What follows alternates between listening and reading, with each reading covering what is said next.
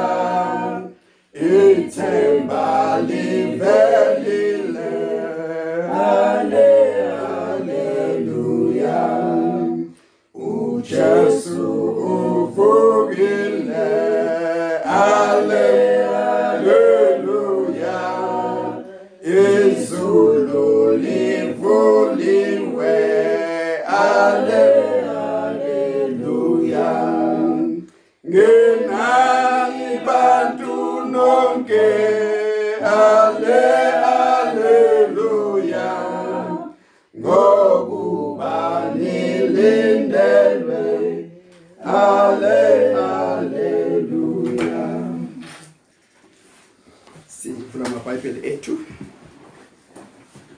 incwadini kaJohane.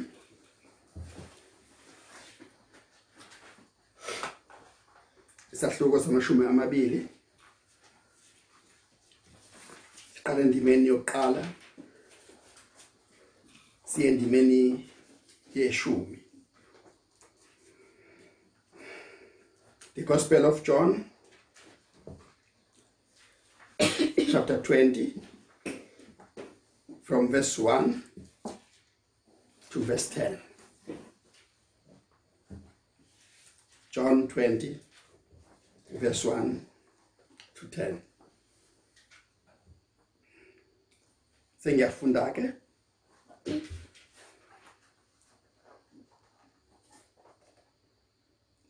Kwathi ngosuku lokuqala lweviki uMaria Magdalena wafika ethuneni ekseni kusemnyama wabona itshe lisusiwe ethuneni. Khona wayesegijima waya kuSimon Petro. Nakulo mfundi omunye uJesu amthandayo. Wathi kubo bayisusile inkosi ethuneni. Asazi lapho beyibeke khona. Ngakho wayesephuma uPetro nomunye umfundi beza ethuneni begijima bobabili kanye kanye kepha umfundi omunye wagijima kakhulu kunoPetro. Wafika kuqala ethuneni elunguza wabona izindwangu zelineni zikhona kepha akangenanga. Khona wafika noSimon Petro emlandela wangena ethuneni wabona izindwangu zelineni zikhona neduku ebelisekhanda lakhe libekiwe lingekho endaweni lingekho ezindwangini zelineni kepha lisongiwe lilodwa kwenye indawo. Khona wayesengena nomfundi omunye. Wafika owafika kuqala ethuneni wabona wakholwa ukuba babengakaqondi umbhalo wokuthi ubefanele ukuvuka kwabafileyo base bemuka abafundi baphindela kubo. Izwi lakho Nkosi Jesu lilobe enhlizweni zethu qinise kakhulu usivuselele ngalo. Amen.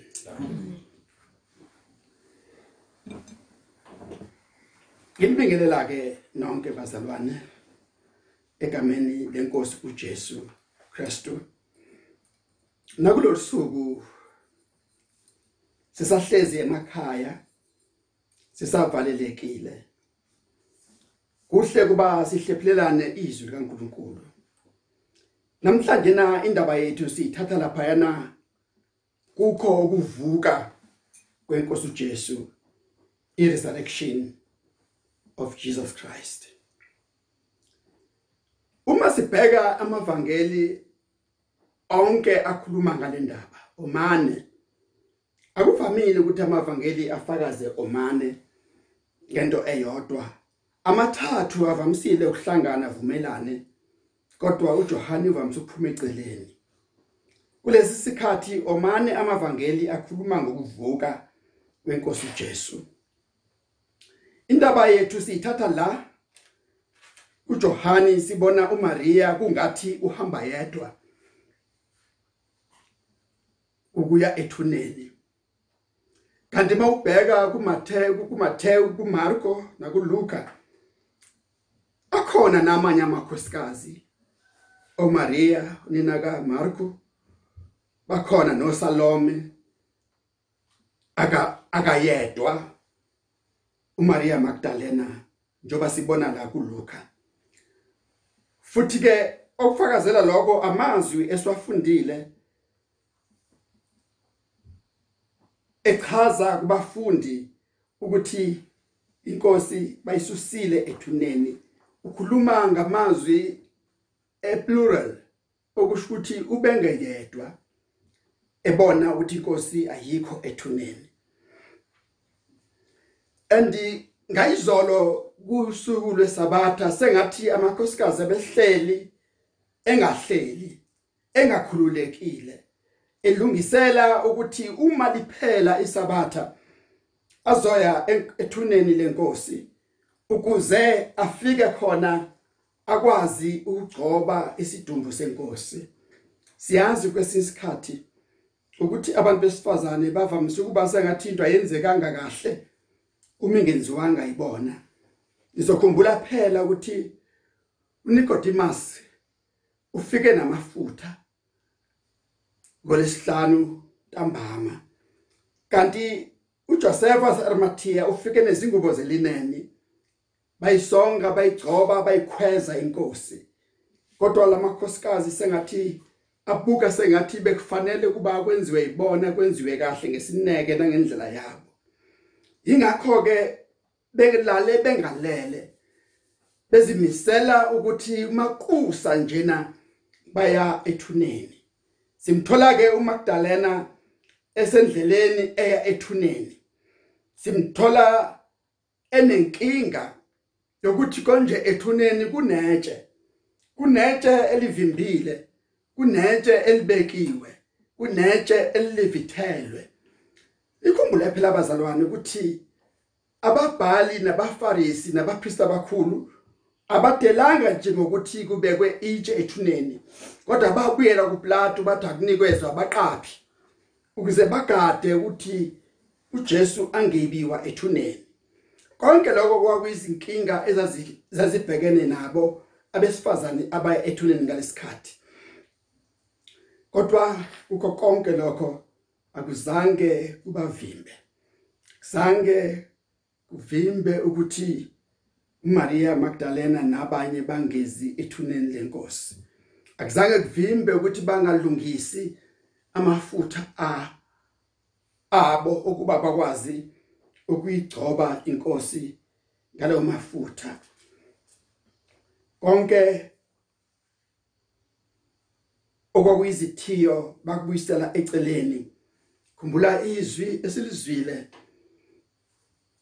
endabeni yokubuyisana. Elithi uthando lukaKristu luyasiqhubezela. Sengathi nalabo mama baqhutshwa yilona lelo thando lukaKristu.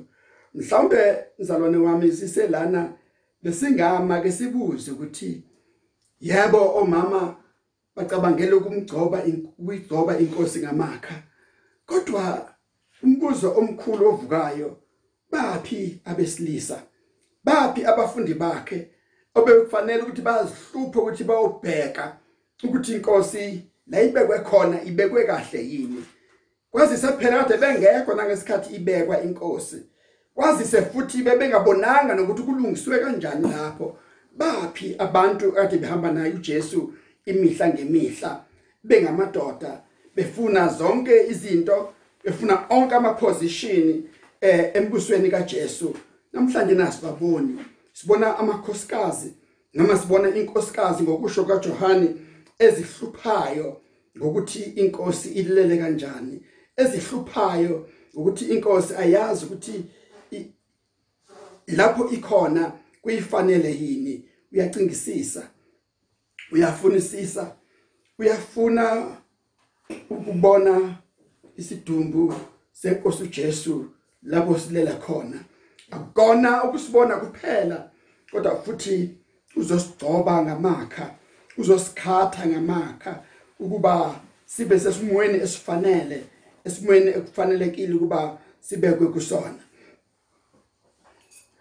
Uma ke fika esondela lamakhosikazi noma lo nkosikazi bafika isimangaliso sendaba uvalo lwabo lokuthi bolubhinqelo ubani itshe. Uvalo lwabo lokuthi lamabutho abegadile laphana bazwa thini lelo valo luphelile ngoba itshe liginqiwe uvalo luphelile itshe lisusiwe Mnyango wethuna uvulekile. Ithuna alisavaliwe. Uma ufunda kwamanye amavangeli kuthiwa uNkulunkulu wazamazamisa umhlaba. Kwabaqhuma amaliviti ayefakiwe ematsheni. Inkazimulo yezingilosi ezizosusa itshe yawisa amadoda amabutho akayigadile alala sengathi angabantu abafileyo. Yaphuma inkosi yamakhosi waphuma uJesu ethuneni waphuma engophilayo. And amabutho masifunda kwelinye lamavangeli kuthiwa agijimayo utshela abaphathi bawo ukuthi uvukile. Bathi thulani ningasho ukuthi uvukile. Kunalokho yithani bafikile abafundi bakhe nilele bamtshontsha yilokho esikubonake lana ukuthi impika abadala kade ebhekene nayo uMagdalena namanye amakhosikazi ukuthi ubani ozosusa itshe ayisekho. Kunalokho babona itshe livuliwe and babuyele emuva bayobika uma ufunda kuMarko noma ufunda futhi kuLuka kuthiwa babona izingelosi zimile ngapha nangapha. Qhamuka nomyalezo ukuthi lifunelani lifuna bani? Uthi uJesu obelethelwe esiphambanweni uthi uvukile akakho lapha. Uvukile. Akapho kakho lapha. Kuyindawo kuthiwa indoda eyodwa eyayimile igqoke ingubo ezinde ezimhlophe eyabonakala imi ngasethuneni lika Jesu uma bebheka ithi nifunelani ophilayo kwabafileyo?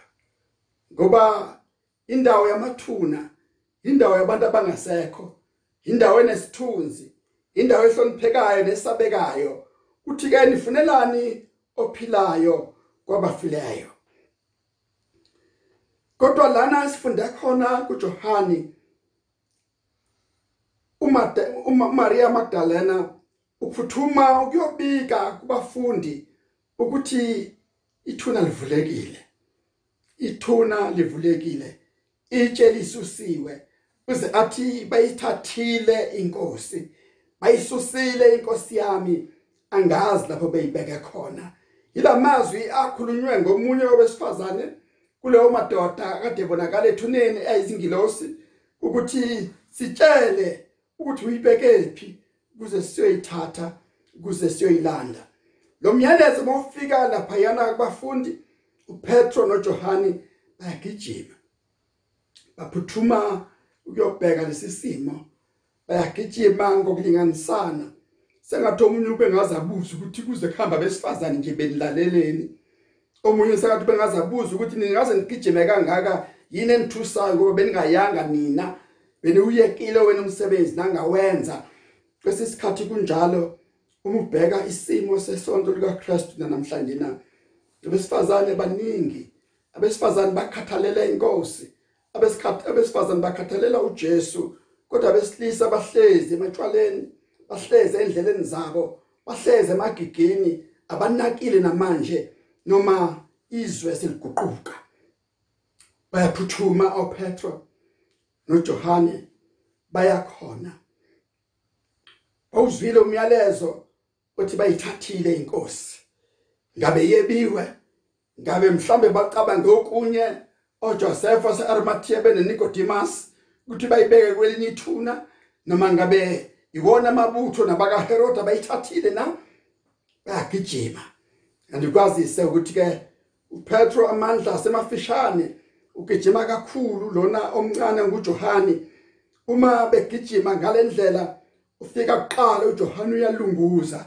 Uyabona ukuthi izingubo zikhona kodwa akekho umnikazi wazo. Akekho uJesu. Izingubo zikhona besongwe ngazo neduku abalinqwazile likhona noma lingekho ezindwangwini ezinye kodwa konke kukhona. Umbuzo ukuthi ke uma efika uJohani ulunguzelani? Ingayingena abone ngoba vele usefike kuqala. Ulunguzelani? Impendulo isobala. Sengishilo ngathi indawo yabafileyo akuyona indawo elula indawo enesithunzi indawo yesabekayo kodwa makufika indoda endala enguPetro ayilunguzi uPetro uyangena. Ungena ngaphakathi uyasibona isimo uyasibona izingubo besongwe ngazo uyalibona iduku abenqwaziswe lona uJesu ngesikhathi ebekwa ethuneni kodwa yena akekho. Ivukile inkosi. Nasi isimanga esikhona inkosi ivukile inkosi iyaphila. Babuyele emuva nomyalezo ukuthi ithuna iempty kuyavuka kubona labo mazwi ake wakhuluma esenabo ukuthi uzohlupheka. Ezandleni zezoni uzofa. Uzobethelwa kodwa ngosuku lesithathu uzovuka. Namhlanje nake kuyagcwaliseka lokhu ngoba kuyabonakala ukuthi sekufezekile.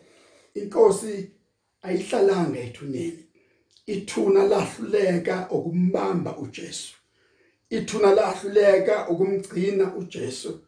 Ithuna lahluleka ukumgqiba uJesu.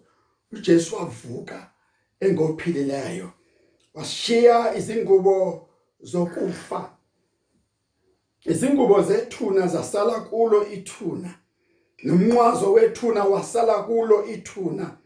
Wavuka engophilileyo kuba phela kade etshontshiwe bebezomthatha nezingubo zakhe. Bebezomthatha ngazo ndwangu asongwe ngazo babaleke nesidumbu.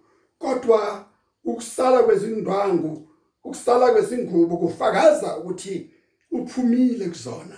Abanye bachaza nokuthi umonyukile kuzona. Zasala zumlulumbe zinjalo walisusa iduke ekhanda walibeka eceleni ukuze abonakale ngophilayo.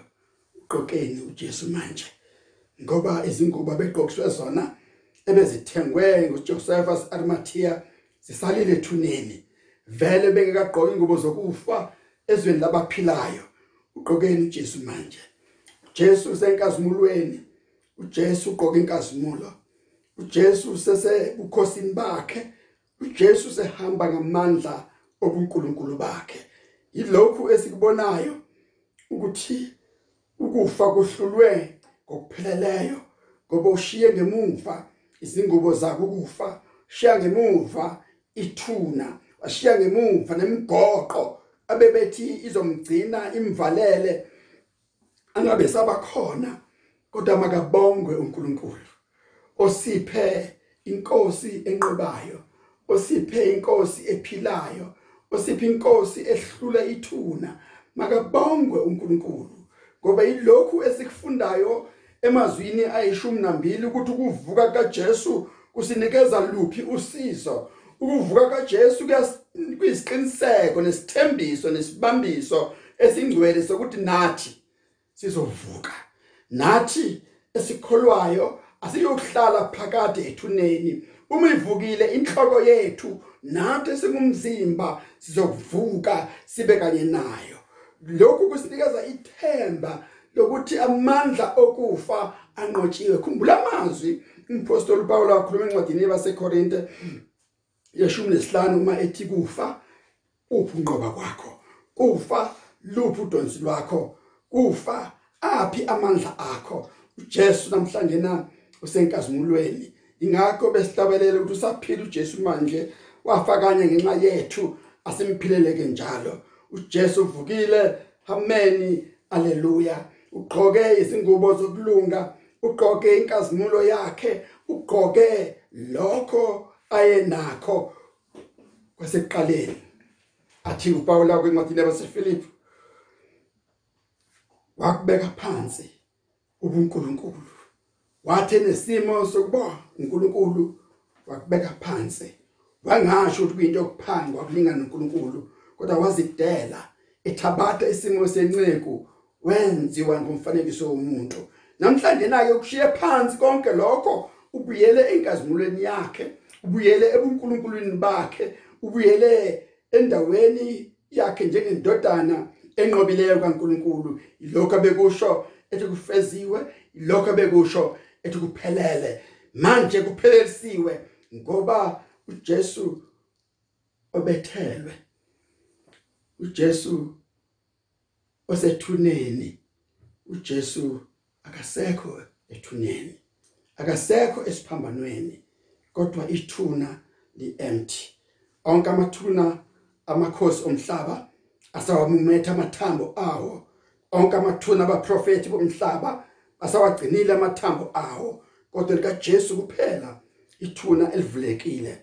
Namhlanje naligembelezile ngoba inkosi ivukile. Ameni aleluya Nkosi ivukile. Bekufanele bathandekayo noma sivalelekile kodwa elika Jesu ithuna livulekile. Bekufanele bazalwane sihalalise noma siqunyiwe emakhaya kodwa inkosi yethu ayigqumekile ethuneni. Inkosi yethu iphumile ethuneni. Bekufanele sikholwe ukuthi nalesi simo sobuhlungu nalesi simo seCovid-19 izodlula ngoba sikhonza inkosi enqobile ithuna. Inkosi enqobe isiphambano inkosi enqobe ithuna inkosi evukileyo. Ifunelani ophilayo kwabafileyo na nangumyalezo abahamba nawo omama nangumyalezo abafundi abahamba nawo ukuthi inkosi iyaphila usaphila uJesu manje. Wafakanye ngenxa yethu asimphileleke njalo. Amen. Amen. Siyakubonga inkosi Jesu. Siyabonga ukuthi ungophilayo. Siyabonga ukuthi ungophilisayo. Ukufa ukwahlulile inxeba esohlangothini alikwenzanga ungavuki. Izimbobo zezipikile ezandleni nasonyaweni azikwenzanga uhlale phakade ethuneni. Nomqhele wameva nemivimbo yonke oyitholileyo akugcinanga ethuneni iphakade kodwa uvukile. Uyithemba lethu ukukhanya kwethu. Siyazi ukuthi nathi sovuka ingakho inkosi sihleli la sikholwa ukuthi lobu bumnyama obusibekele bezifo nemikhuhlane uzodlula ngoba sikhonza inkosi ephilileyo. Philisa ke inkosi izwe lakithi iSouth Africa. Philisa inkosi amazwe onke omhlaba. Philisa inkosi bonke abagulayo abasezibhedlela. Philisa inkosi izinhliziyo ezaphukileyo ezishiwe izihlobo ezishiwe abangani.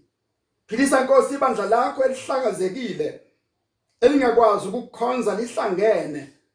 Yilona lo mzalwane endlini yakhe. Mphilisa umnikeza amandla ovuko amandla okuphila ngoba uyaphila namhlanje na.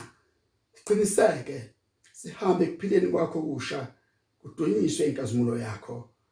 Siyakholwa ukuthi sekwenzekile ngegama likaKristu inkosi ophilayo. Amen. Amen.